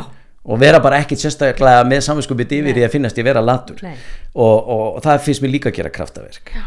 En við Íslendingar að því að við erum vikingar og við fáum hrós fyrir að vera vikingar og við fáum hrós fyrir að vinna mikið og vera duglega og svona þá ætlum við ekkert að gefa það eftir en það er líka á saman tíma ótrúlega mikill stressualdur. Já, þú keiri fólki kaf sko. Já, al alveg. Já. og, og við höfum bara ákveðið mikið og, og að, stórt sko, og mikið Íslendingar er batteri ekki með öðruvísi líka maður heldur en einhver, einhver annar sko. Alls ekki. Nei. og oft á tíum bara erum við undir verri, eða sérst, meira krefjandi aðstæðum. Við erum í myrkrinu, Við við erum í erum með myrkrinu, já. við erum meira svona erfiðari í vetur. Við erum með meiri svona Já. og það er meira stress og, og það er meira span og komast frá A til B við erum ekki Mhm. með sömu samgöngur og, og, og, þú veist það er bara ótrúlega margt sem hefur áhrif á daginn okkar sem er kannski auðveldar annar staðar Mhm. þó vissulega höfum við síðan margt annað sem aðrir hafa ekki en, en við gerum ótrúlega mikla kröfur á okkur og, já, við erum með dugnaðakröfur við erum rosa mikla dugnaðakröfur Já. en mér finnst frábært þetta með að eins og þú veist þetta, kvildin, færa Mm. verkefni Mhm. viðurkenna að stundum er ég bara 70% en ekki alltaf 100 af því það er líka kvíðavaldandi ætlast alltaf til þess að maður sé 100% Já. bara því að fólk horfir á mann og heldur að þessi er alltaf 100% já, þessi, þú veist, ég sé það á Instagram hann er alltaf fullt af Já, orku skilur, hann, hann, hann það er ekkert, ekkert vesinu þessum sko. hann er en- allt upp á tíu. allt upp á tíu. En ég meina þú veist, þú ert maður sem er sjálfur farið í sko kulnun. Já, já, já, Já. Og, og, og hérna og brent mig íllilega á því sko. Og, og hérna uh, og þess vegna er svo mikilvægt þetta með mm, eins og ég segi, bara viðurkenna sjálfan sig eins og maður er Já. og finnast maður ekki þurfa að vera einhver annar en við erum bara eins og ég segi, við erum svo rosalega duglega að gera kröfur á okkur af því einhver annar horfir á okkur eins og við séum eitthvað Já. X eða, og þú veist eins og kannski mín svona forti byggist náttúrulega á ákveðin ímyndin það að það var, maður var algjörlega svona unbeatable þannig skil, eins og þegar maður var í svona bútgam tímanum og, og svona þessi svona þjálfun sem maður fjekk og svona en, en þú veist og endan erum við bara öll mannleg við, þú veist, breyturnar hjá okkur og þú veist, öll tökust við á við eitthvað sem hefur áhrif á okkur. Já, og mér finnst líka oft gott að, að sko horfa á, þú veist við erum öll að gangi gegn svona ákveðna árstíðir. Já, hvað varðar, þú veist, eins og að reyfa sig og, og þú veist, reyfingin er þarf ekki alltaf að vera eins allt árið um kring þú veist, það er þetta er svona, veit ekki hvað heitir á íslensku svona periodization þú já, já, akkurat, við, já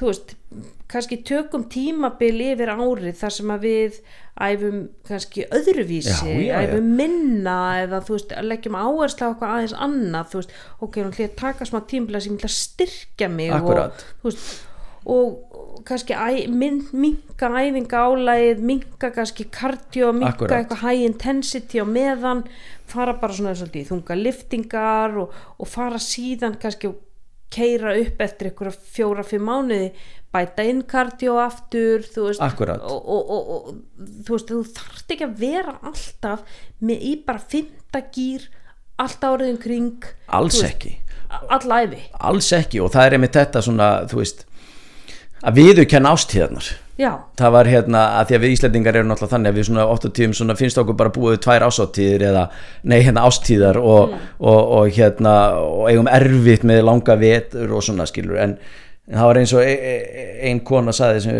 var hjá mér í þjálfun og hún sagði hérna en þetta var miklu betur fór að viðurkenna ástíðarnar já, skilur mig, að taka veturinum og sjá fegurðin í honum og taka vorið og sjá fegurðin í því og haustið og sumari og það er nákvæmlega þetta sem maður líka að gera með æfingarnar því að þú veist það er enginn sem segir við þurfum alltaf að fara í ræktina það getur líka eins og þú varst að benda á þú veist ef við tökum veturinn í einhverju uppbyggingu frábært af því að þá er vont viður okkur langar inn í rækt en síðan getur líka komið tímabil þar sem að sólinn skín Já, kjósum frekar að vera úti. Já. og fara á fjöll og tala um eins og veðrið er búið í Reykjavík núna verum úti, fáum Mhm. D-vitamina því að það er kortir í að við þurfum að, förum að fara aftur inn Akkúrat. þannig að verum dugleg og ekki enn og aftur, ekki fá samvinskupið yfir því að við séum ekki alltaf í ræktinni. Og þú veist að við þurfum að vera þar til þess að það kallist hreyfing. Það er ekki þannig. Og við sem erum hérna áhrifavaldar inn að gæsalappa, við erum heldur ekki að krefjast þess að allir séu þar. Nei, og ég meina forfeður okkar voru ekki í rækt þeir voru að sveifla sér bara í trjám og hlaupa á milli og skilur við, já, já, og akkurat. steinum og eitthvað, það er að gera þetta á alla,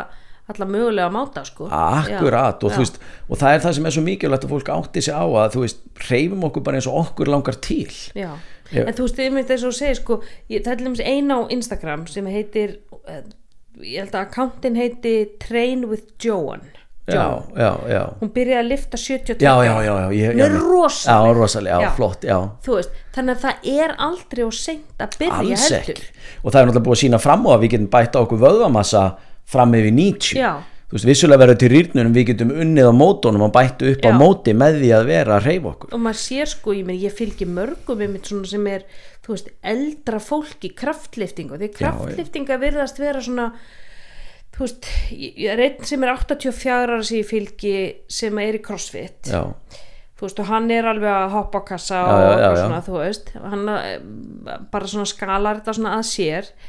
En það virðist vera samt sko liftingar, svona þessar hægu svona kraftliftingar fá reps, það henda rosalega vel fólki sem er komið yfir því við þurfum ekki snerpuna nei, nei þú veist, það er náttúrulega ákveðin sko vöðva veist, Já, já. já. sem að sko við missum, við missum þessa snerpu, við missum veist það, en, en maður sér fólk alveg bara upp í sko 70 áttrætt jafnvel að taka þátt í kraftlýtinga móti já, skilur já, já, já, já, ég meina það var verið að keppa að háa með öldunga um daginn og það var sér flokkur yfir 100 ára í 100 metra hlaupi sko.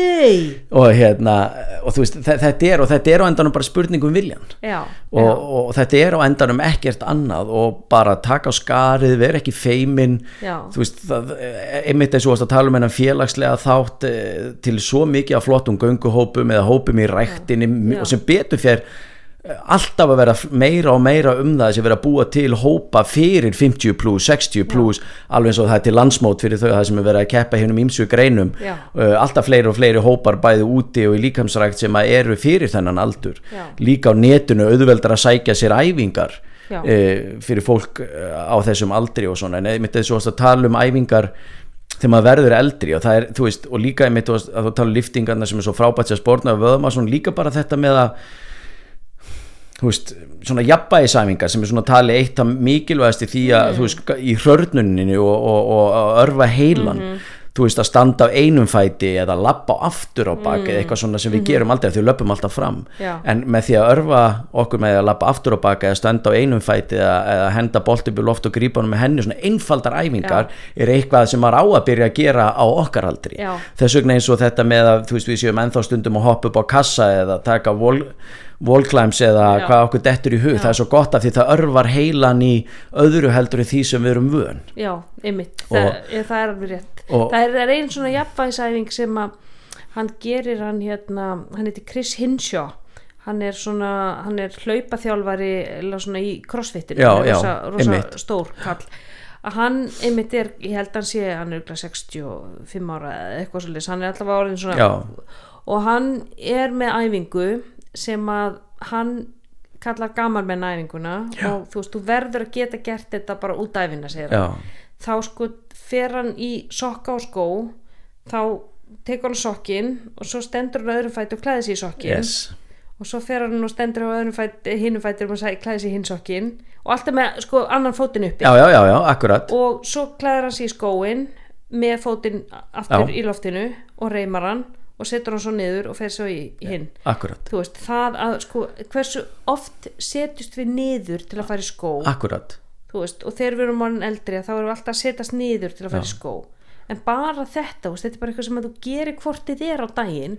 Akkurat og, það, og, og það, er, það er nákvæmlega þetta og það er bara til dæmis svona einmitt nákvæmlega eins og þetta svona einfalt og það er líka til dæmis bara að fyrir okkur sem eru réttænt að busta tennurna með já, vinstri. Vinstri, eða borða með vinstri. Eða borða með vinstri Já. og svona þú veist þetta er allt eitthvað sem örvar okkur og er svo gott og Já. hérna þannig að þú veist þjálfun er margvísleg, það er ekki alltaf bara þú veist það flóknasta sem við sjáum á netinu. Það er líka bara svona því að á endanum eru við að hugsa hvernig getum við að því að þú veist það sem gerist þegar við eldumst er að við verðum alltaf þrengri og þrengri í hugsun Mhm. þar að segja og það, það gildir líka um okkar svona reyfingamunstur, við förum að velja okkur það sem við erum örug með. Mhm. og ef við gerum það þess að því fyrir sem við byrjum á því að velja okkur bara það sem við örug með þá þegar við eldumst að þá verður þetta mengi sem að við höfum og það sem við erum örug gefið verður svo ótrúlega lítið. Þannig að við þurfum að vera duglega að augra okkur eins lengi og við getum. Alveg eins og hann 65 ára er ennþá að tilenga sér það og ætlar að gera að vera að reyma og klæða sér í sokkana á öðrum fæti. Já. Eh, þetta er svo Þess- frábært. já, og, og, og það sem ég held að reyna að hvetja konu þegar sérstaklega konu sem er komnar þú veist svona um og í kringum breytingarskeiðið og Já, já. eftir breytingarskeiðið er að lifta Já. þú veist, vöðvamassin ykkar bara sapnið eins miklum vöðvum og í getið og gerið svo allt sem þið getið til að halda í þá. Akkurat, því að þú veist, það er bara það er, þetta eru, eru líffæri langlífis. Já þú algjörlega veist, getur ímyndar að vera sjötu og vera þú veist, búin að missa makan og þú þarft að opna sultukrukku. Já. eða þú þarft að lifta einhvern kassa upp á hillu eða eitthvað, skil, þú verður svo sjálfstæð þegar þú ert sterk. En bara líka þegar við missum vöðan, vöðan svo hratt, þú veist, er estrogeni mingar, þá er ekki þú veist, það er ekki þessi kvati til þess að búa til vöðvan en við þurfum eitthvað ytra áreiti til þess að halda þeim og það eru bara þunga liftingar Já, já. og þær stímulera svo svakalega heilan líka Já. því að þú ert að þú veist, allt í einu, þú veist, hlaupa er bara svona já, já, já. sama reyfingin en ef ég er að fara inn og ég er að gera deadlift og hnebegur og, og backpressu og skilju, þú veist ég er, ég er að örfa heilan á sama tíma Akkurat og það er og einmitt þetta með, með hérna uh, það er líka bara svo gaman að vera sterkur það er líka það sem að maður heyrir á fólki sem að einmitt kemst á bragðið Mhm. -hmm. og það fyrir að upplifa einmitt kannski bara 50-60 það er bara allt í svona, ég er alltaf að vera bara hraustur eftir, ég er sterkur, ég get farið að gera hluti sem að, einmitt hvort sem það er að opna sultukrukuna eða ég hef alltaf unni kraftin í það að, að hérna, eh, þú veist, lifta einhverjum ákveðnum hlut Já. eða þú veist, allt í unni kraftin í að lappa hérna upp á þennan hól eða e, svo framvegist, þú veist, það er svo mikið Já, og, og bara þú veist þessi valdeflandi líka fyrir konur að vera ekki að fara alltaf inn til þess að verða mjóri og minni. Akkúrat. Þetta er út að fara inn til að vera stærri og sterkari Já, Skilur, og það er bara einhvern veginn svo tilfinning að labba þarna inn og þú bara þú setur á ykkur að strappa og þú, Já, já. allt í þetta er bara eitthvað svona það er eitthvað badass já, og það fylgir þessi líka bara bullandi sjálfströst Já. og, og hérna uh, fyrir utan alltaf öll jákvæðu hormóni þú ert að gera eitthvað fyrir sjálfa þig og, og hérna, þú ert að byggja þig upp og, og, og hérna, þú, þú lærir fullt á leiðinni og, og svo framvegi sko. þannig að og það er aftur, þarf ekki að vera flókið veist, þetta eru bara svo basic æfingar sem Akkúrat. hafa alltaf virkað veist, og bara taka eitthvað staðar á milli þú veist, 5 til 10 reps, þrjú sett kannski velja einhverja fjóra, fimm stórar æfingar og málið dött og Algjörlega. búið á bless sko. og, og byrja bara skynsala, byrja bara rólega þarf Já. ekki að vera oft í viku eða of flókið, náttúrulega alltaf gott að fá einhvern sem leiðbeina sér í byrjun en, en hérna byrja þarna og það sem að gerist og það sem ég reynir líka alltaf að, að því að ég, ég svona eins og ég skrifa við alla mína viðskipt og segi við alla eh, við byrjum rólega -hmm. að því ég er miklu frekar að líka minn taki vel í þetta og segja, heyr já þetta nú bara frákvör, frábær ákvörðin að byrja í ræktinni.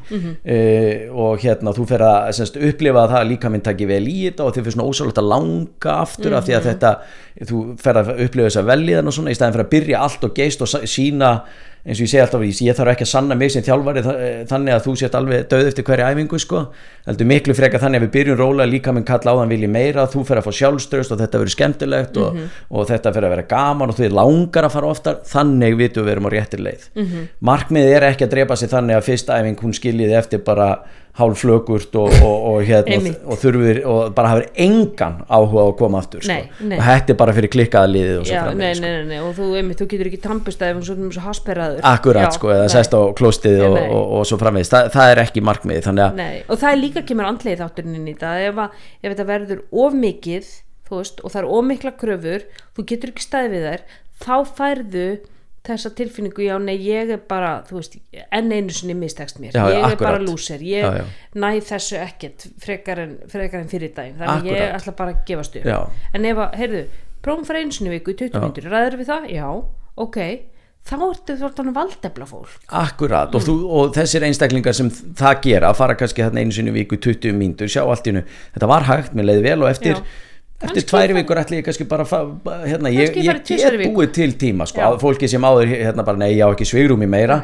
En það allt í hennu á svigrum síðan Ah, tveimum vikur setna að bæta við bara því það líður vel og þetta er farið að gera. Þetta er líka ákveðin varnarmekanismi á fólki að segja bara, veist, nei, ég á eiginlega ekki tími í þetta skilju, því að það er svona hrætt við þetta. Já. þannig að svona varnarmekanismin er þannig að þú veist, segja bara við þjálfari, ég bara get komið einu sinni og þetta má ekki vera meira en 30 mínútur. Nei. af því að það er svona þyrra svona, þú veist, varnarmekanismi að því það veit að það getur það alltaf. Já, en, en, en með því að hérna, og þá var maður líka bara sem þjálfari og, og, og, og svo framvegs að segja það er bara frábær byrjun, í staðin fyrir að berja fólk niður fyrir að það sé, Já. ger ekki neitt Já. uh, byrjum þar og, og leifum fólki bara, þú veist, finna öryggið í þessu af því fyrir flesta er þetta ótrúlega stórt skref tökum bara fyrstu vikuna tvær í appel þannig og, síðan áðurnum veist af að því að fólk færi sjálfströst og því fyrir að líða betur Mhm. að þá allir, jú veistu, já, hérna, ég get búið til svigrum fyrir eina aukaæfingu viku mm. síðan bara kemur þetta mm. Hvað er mestu místökju sem þú sér hjá fólki sem að, þú veist, er einmitt orðið svona 45, 50 er það að æfa á mikið, er það að borða á lítið, er það að sofa á lítið? Þú veist, hvað hvað sér þau svona helst sem að fólk er að gera mistök? Ég sko flestir eru að sofa Of of lítið. uh, flestum mantar kvíldin og það er bara stressi, það er bara álægið Já. og svo er náttúrulega líka fólk að hanga í símanum akkurat, sem að trubla svefnin og fólk er að fara rosa seint að sofa Rosa seint að sofa. Já, bara 11, minnst ég oft heyra bara 11, hálf 12, ég er bara wow ég er búin að sofa inn í tvo tíma þá. Þú veist, já, en það, það, og og, er og hvað er fólk að gera? Það bara hangi yfir, hangi yfir Netflix. Já. en það er svo að vera engan tíma til að vera ræktina. Nei, og það sem er náttúrulega, já akkurat en það sem er líka í þessu talandi um svefnin það er ótrúlega mikill munur því að fara að sofa klukkan 10 já, eða bara 11 eða jafnvel 12 Já. Skilur, ég veit að þetta svona, þú veist fyrir þá sem hlusta er þetta svona, já, þetta er mikill munur á því en það er actually ótrúlega mikill kvildarlegu munur á því að vera komin inn og komin í ronna og sopnaður kannski 10.30 eða kannski klukkutíma setna uh, einfallega vegna þess að líka minn hann kvíli svo vel á þessum tíma þú nærð fyrir inn í hennan djúpsöp sem er svo mikilvægur. Það er það sem að Matthew Walker segir Já. sem er náttúrulega fremst í svepsjárfræðingurinn hann segir við eigum að sofa frá svona 9-10 til 6 Já. þú veist, á, á mótna það er okkar Já, svepptími já. þú veist, þú færð ekki sama gæðasvefnin frá 12 til 8 heldur en þú færð frá 10 til 6 Algjörlega það er betri Já. svepp frá 10 til 6 það gerist eitthvað þarna í sko bara líkams klukkunni akkurat, þannig við erum að senka öllu já, einhvern veginn og fólk er ekki að sofa og það er nýlega rannsókn 50.000 manns. Þar þið skoðuðu svepptíma hjá þeim öllum þeir sem að sofa í 6 tíma og þeir sem sofa í 9 tíma eru með minni heila en þeir sem að sofa í 7 til 9 tíma. Já, þannig að það að sofa mikið og að sofa lítið er ekki gott. Það minkar að þér heilan og minnið er verra. Þannig að þetta er þessi 7 til 9 tímar já. og þá þarftu líka að vera í rúminu í 8 til 10 tíma. Já, já, færðu akkurat, aldrei Nei. þú fer á klóstið eða þú vaknar eða Já, rumskar eitthvað. Þannig að ok, ég ætla að vakna en eftir ég ætla að vakna eftir 8 tíma þá þurfa að vera í rúminu í 9 tíma. Akkurat. Og það er náttúrulega, eh, og síðan er náttúrulega okkar aldrei það sem gerist nýtt líka koma svo margir áhrif að þættir inn í svefnin Mhm. og það fyrir að trubla, þú veist sérstaklega konur, það er fara að sofa verð það er fara að kannski að Já, og ég- náttúrulega gerist hjá skeiðið. köllum líka en, en, en þú veist, það það fara að svitna nóttin það fara að vera Mhm. svefn óregla út á hormónum og svo framvegis, þannig að þú veist, það er en og á sama tíma hefur aldrei mikilvægt að maður kvíli sig. Og, Mhm. en finnst þið fólk vera að æfa mikið?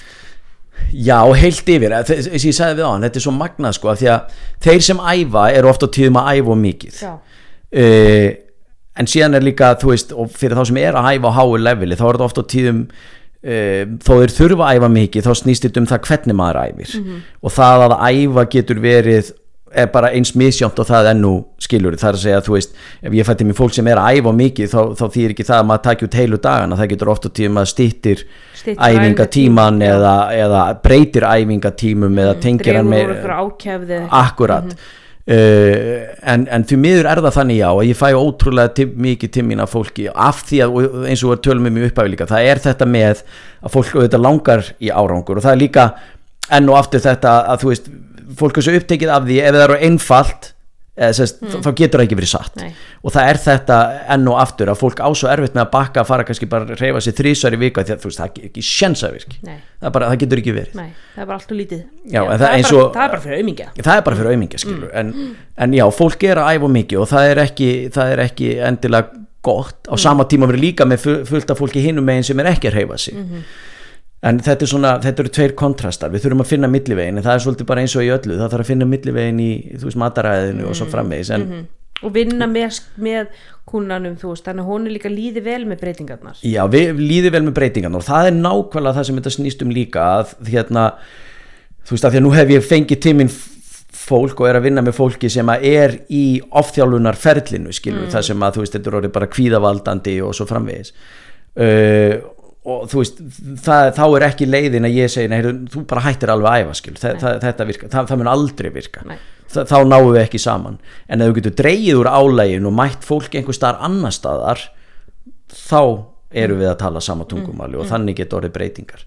Og þetta er alveg eins og með mataræði að, að hérna uh, þegar maður fætt til sín einstaklinga sem að þú veist að maður, þú veist, eins og ég segi, var að tala um áðan þetta með margir eru hrætti við kolvetni og, eða fytu eða próteina að, að, að hérna við þurfum að tilenga og, og kenna og fræða fólk um þannig að fólk sé ekki svona hrætt við hvort sem það er það. hreyfingun eða mataræði og svo framvegis. Og mér finnst og ég get bara sagt aftur og aftur mér finnst bara það hefur orðið svo ótrúlega sorgleg þróun hvernig við höfum það er sér ræðslu áraður hræðslu áráður og Já. þú veist, byrjum frekar á því að fræða fólk Já. fræðum fólk hvað er prótein, hvað er kolvetni og hvað gera þau í líkamannu það er Já. líka það og sko, þú veist, þegar ég spyr fólk ok, getur, getur nefnt ok, nú erum við hérna með, við erum með prótín, kálvetni og fytu hvað þetta er í hug þegar ég segja orðið prótín og það bara stundum bara kemur bara ekki neitt já. Það er helst skyr. já, skyr, já, já ok. Þú veist, en hvað með allar dýraafurðir ekk og, og allt þetta og já. Uh, hvað þetta eru þegar ég segi kálutni, já, bröð og pasta. Já, en þegar ég segi fita, mm, smjör? Mm. já, ok, hvað með ólífólju, kóksolju, avokado þú veist, Já, þetta eru svo stóri flokkar og það er svo mikið þannig undir en fólk bara, það þekkir því vegna að þetta er ekki kent veist, það vantar alla fræðslu, vantar alla þekkingu. Ég var hann 21 ás þegar ég vissi hvað protikólegt og fita voru. Já, já, þú veist, ég hef ekki hugmynd, mamma mín hefur ekki hugmynd um það. Nei, nei, akkurat. Og eðlilega ekki þú þú þarf veist, bara að afla þess að þekkinga sjálf afla þekkingarinnar Já. en, en heimurinn og neti logar af bóðum og bönnum um kolvetni Mm. Já, eða, eða eða fytu fitu, og svo já. framvegis í staðin fyrir að við byrjum á að fræða fólk um hvað raunverulega er. Hvað er og við og þurfum hvað ekki já, og við megum ekki halda það að heimurinn hafi skaffað okkur þessa flokka til þess að myndust ekki nýtast okkur. Einmitt, skilurum mig við, við, erum ekki við erum hérna af ástæðu og við erum veist, þe- þessar afurðir voru færðar okkur að því að við þurfum á þeim að halda. Já. það var ekki að því áttum að henda þeim í burtu. Nei.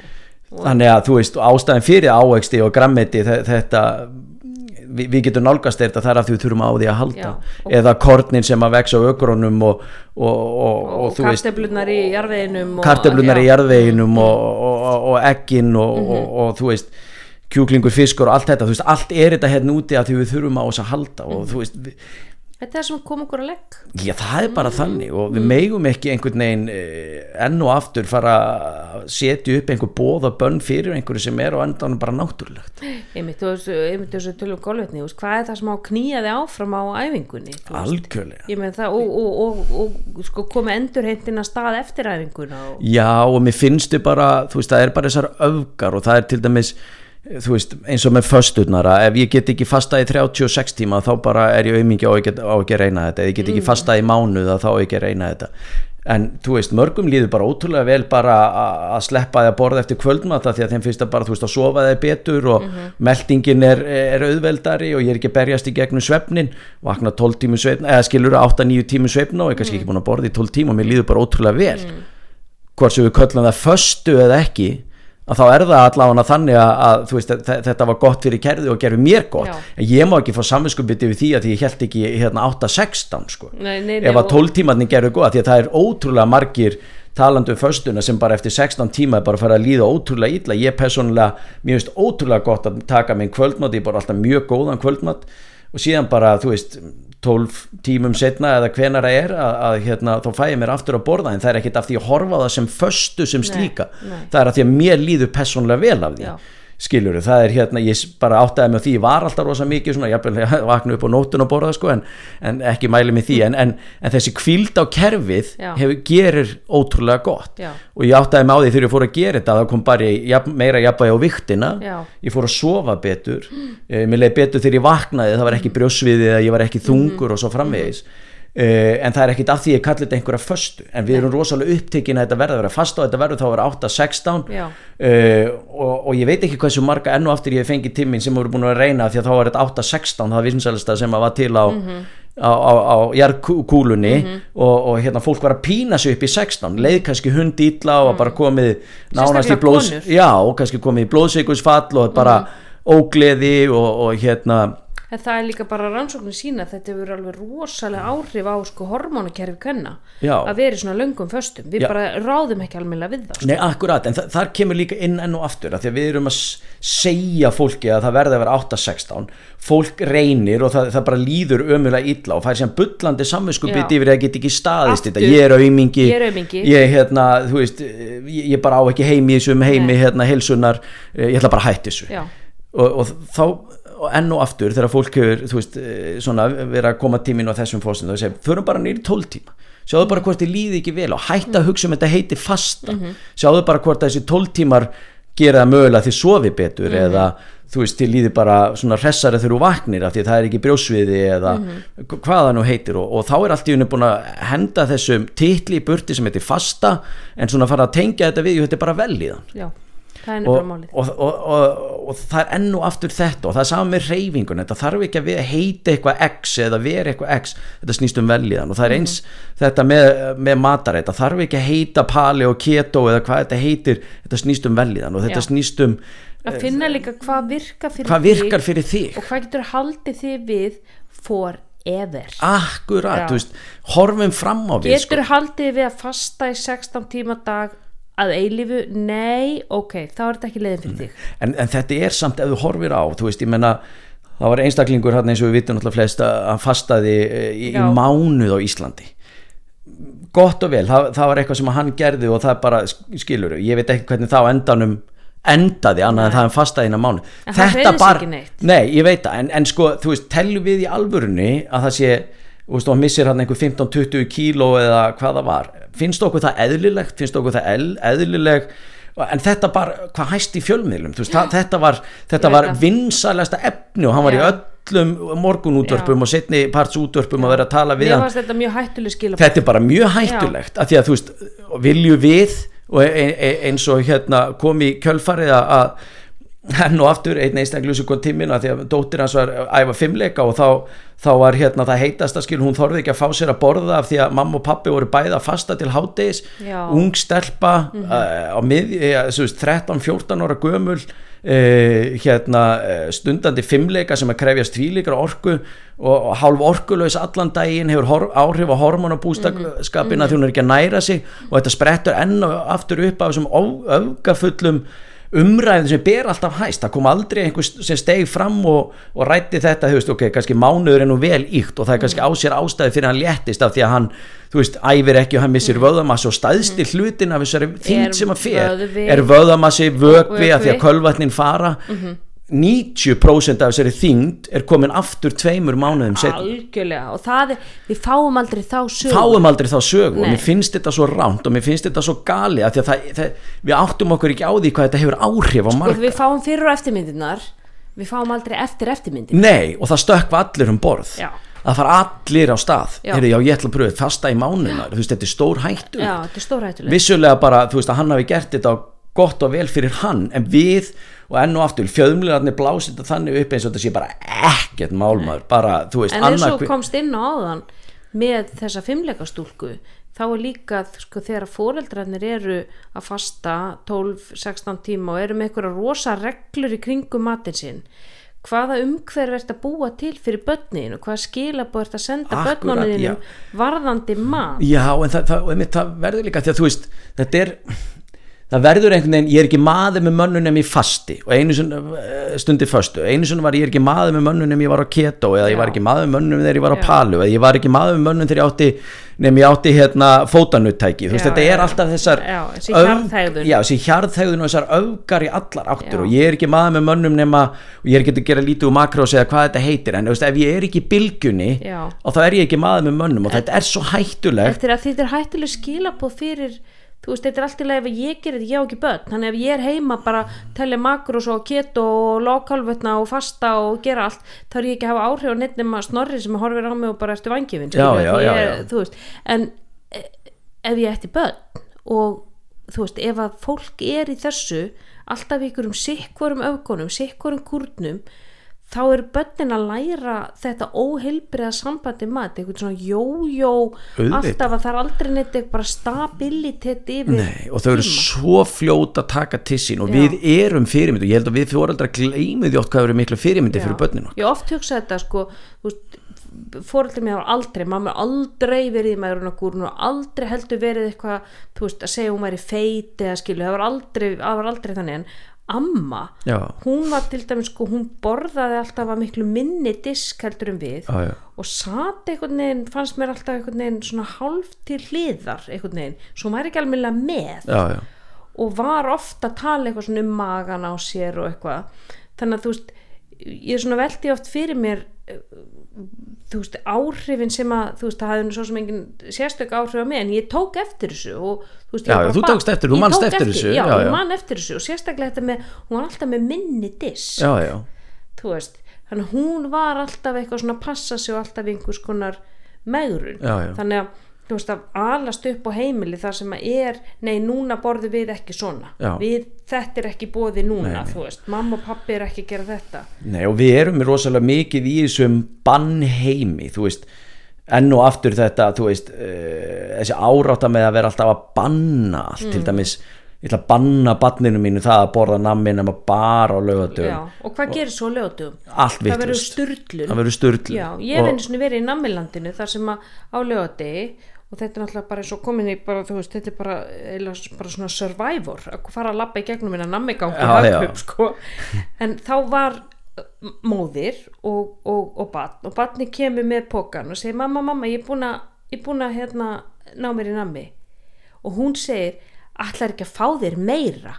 Þetta er á afslætti. Já, og barni þarna sem er búið að sjá auguna út sinn skamt og finna hvað hann vil já, já, Þar, þarna er það þau merkir hunsuð og hann fer og sækir meira sem þýðir það að hann fer heima með stærri póka og hann fær bara meira nammi mm. og hann fer bara yfir sín settumör já, já, já, og þetta gerist að hverju meinasta lögadegi og hann, þá fær hann líka svona síðasta kvöldmáltíða syndrom Já, já, já, já. þú veist, nú er einhver afsláttur það er eitthvað ofbóð það er einhver, það er, við þurfum, við erum í einhverju örvæntingu, hérna, nýta okkur eitthvað tilbóð og við erum líka að nýta okkur þennan eina dag, þennan eina glugga sem við höfum til þess að úða í okkur já. allir þessu sælgæti. Og þetta verður svo ömulega svarkvít nálgun og ég veit ekki hver fann upp á svona nammidags ruggli, hvað heldur þú að líka með viti hvort sé þriðdagur og löðdagur Nei, ég- algjörlega og líka bara fyrir börnin skilur að vera og það er ekki að því að börn þurfa að hanga í nammi alla daginn, það er þessi bóða bönn og með ekki taka þátt að vera eina barnið í 30 eh, hérna eh, 30 manna bekk eða krakka bekk sem að má ekki taka þáttinni því að því að má ekki borða hitt eða borða já, eða já, eða eða- sigur eða Já. þú veist, bara borðar ekki nammi og virkundum. Og þetta er félagslega líka erfitt þetta skapa kvíða og svona þannig að þú veist þessi endalösu bóða bönn hvort sem er fyrir follotna eða börn og svo framvegis eða setjum okkur í einhver endalösa rammum að vera svona og hins einn let's face it, við verðum aldrei eins skilurum, við verðum aldrei sem einstaklingar, það er engin af okkur eins við erum öll ólík. Jafnvel þó tveir einstaklingum myndu borða nákvæmlega samatinn æfa nákvæmlega eins Já, já. sofa nákvæmlega eins líka maður þeirra eru samt öðruvísi. Algjörlega. Já. og það er bara eh, þetta einmitt það sem maður að, hérna, það því að þú veist oftar en ekki fólk að bera saman vikt skilur mm hérna Jói Jón sem er 95 kíló og síðan er hérna, Steppi sem er 95 kíló Mhm. að, að hérna uh, annar er sko 6% fýta Já. 95 kíló og bara hreitt með öðum á svo frábæru formi Mhm.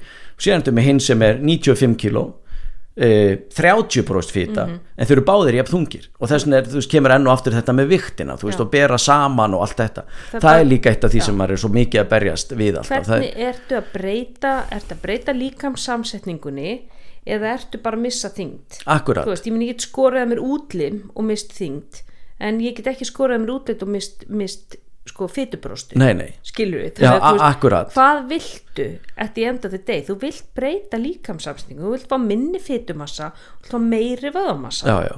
þú veist, þá getur ekki verið einblín alltaf á viktina en þe- þetta er því miður líka því að þú veist, og, og vöðvar þurfa tíma til þess að jafna sig eftir æfingar og þá þýðir einmitt ekki að vera bara stöðugt í, á, í einhverjum æfingum og harða spanni með allt í botni svo verður ekki þetta recovery Já, og þú nærður ekki byggja upp neitt, neitt vöðamassa og ef þú ætlar ekki að geta ef þú ætlar ekki að borða kolvetni og þú ætlar ekki að borða prótín og þú ætlar ekki að borða fytu þá er þér heldur ekki að fá næringu þá er Akkurat. þér heldur ekki að fara að vaksa nei, nei, nei og, og það er nákvæmlega þetta og ég hef það bara sem reglu við tilenga í öllu mínu fólki, sama hvort að sé að æfa einu sinni viku, tvisa, þrísar eða, eða bara, þú veist, tvisar á dag jafnvel fyrir þá sem eru hardcore. Ha, já, eru jafnvel bara þetta er þeirra atvinna Mhm. að, að þú veist, þú ert alltaf að næra þig strax eftir æfingar, þú veist, Mhm. það bara líður að hámarki 30 mínútur og þá ertu búin að fá þig prótein eða bana því það hefur ótrúlega mikil áhrif á, á endurheimtina og, og og, að tala um fyrir konur sko 30-45 mínútur max. Að, að þú veist er við, við föllum sko hraðar niður í baseline í, í sko efnaskiptunum Já, akkurat. þannig að þú veist konur sem ætla eitthvað fasta eftir æfingu, það er nú bara svo pissi í skóin sin sko. já, já, já. Já. Nei, veist, þetta, þetta, er og það er svona enn og aftur að því veist það segir sér sjálft að þetta borða maður eftir æfingu en það við erum alltaf einhvern veginn búin að einhvern veginn búin að flækja það ferli líka eins og allt annað sko. að við eigum að fasta ákveði kringum æfingar og ef ég býði eitthvað ákveði þá brenni ég meiri fytu Ó, að mér og, og nei, þetta var nú eitt nei, sko. 99 býða í klukkutíma eftir og gera kardió Já. með það að borða. Þetta var lengsti klukkutími í lífinu. Já, akkurat. ég var svo glórhungruð en ég var í einhverjum, einhverjum reglum sem einhver hefði sagt þú veist, og að býða hennar klukkutíma. Hvað var að fara að gerast það um klukkutíma? Meira veðaniðurbrot, Akkurat, ekkert annað. Nei, nei. en ef þú hugsar að þá er rökrætt þegar þú er búin að vera hamast Að að þú fáir eitthvað að, Að fáir sjálfsögðu. næringu. Það er bara það eðlilegast í heimi og það er það sem líka minn kallar á að þú fáir að drekka og fáir að borða. Já, ef að símiðin er batterislu og stingur um hleðslu þetta er bara, ég meina þetta er bara einfalt. Já, þetta er einfalt. Já. en það er bara einmitt eins og segja, það er búið að flækja þetta allt og Já. þetta er svona hræðsla og, og kvíði gagvart ykkur sem var bara ósköpi einfalt og okkur gekk bara ágætlega með þanga til fyrir sko tíu árum síðan þá gekk okkur ágætlega með bara að næra okkur á þess að setja inn eitthvað app. Já, og reyf og, okkur og reyf okkur á þess þess að, vera með eitthvað úr og, og, og eitthvað samvinskupið yfir, þú veist, að við verum ekki að reyf okkur eða sofa eða- rétt að því að úrið segði að við séum ekki að sofa nú vel og, og allt er þetta kvíðavaldandi Já. þú veist, Þetta. hérna. Aukin streita. Aukin streita Í streituvaldandi þú veist, shit, samfélag. úrið, úrið hérna segir að ég hef ekki sofið nú vel ég, ég, ég, þetta, þetta er bara verið ömulegu dagur ég, ég er ekki að afreka neitt. Nei, en kannski þið bara bísna vel og, og bara átt bísna mikla orku og, en bara því að úrið sagði það þá er þetta farið. Veist, þetta er, þetta er á endanum svolítið galið sko. þetta er galið. Þú finnur það bara. Er, er, er, er þungt að tampusta sig eða ekki? Já, það, það er á endanum þannig. Veist, við erum við. Já. við erum tengingin. Já, sama hversu gott appið er eða úrið það, það mun aldrei vera þú sko. Þetta er góð lokaord bingo Piggy bingo. Alltaf gott að fá þig. Þetta var náttúrulega bara eðal þáttur Heyrðu, hvar getur fólk fundið þig? Það er eh, Coach Birgir. Það er hvað sem það er Facebook eða Instagram þá er bara Coach Birgir, má ekki að flækja þetta sko. Nei, nei, alls ekki flækja neitt. Og ég hveti ykkur til þess að fylgjónum á Instagram setur alltaf einn rosa skemmtilega ræðingar já, og svo ertu náttúrulega líka með fjárþjálfun já, já, fjárþjálfun og námskeið fyrir einmitt, konur og kalla sem komin að letasta já, skeiði og og kallana og, og, og einmitt svona ráðgjöf eins og vorum að tala um áðan þetta með að þegar fólk er í rauninni bara svolítið komið út fyrir skiluru, svona bara, þú veist, hva- hvaða leið er ég að fara, bara svona þessi svona heilsu eflandi ráðgjöf um það hvernig ég get bara búið til mína rútínu sem er heilbrið án Coach Birgir, Instagram, Facebook allir að smella í like en til ykkar hlustendi góðir, takk kærlega fyrir hlusta á heilsuverfið og þangti næst, veriði bless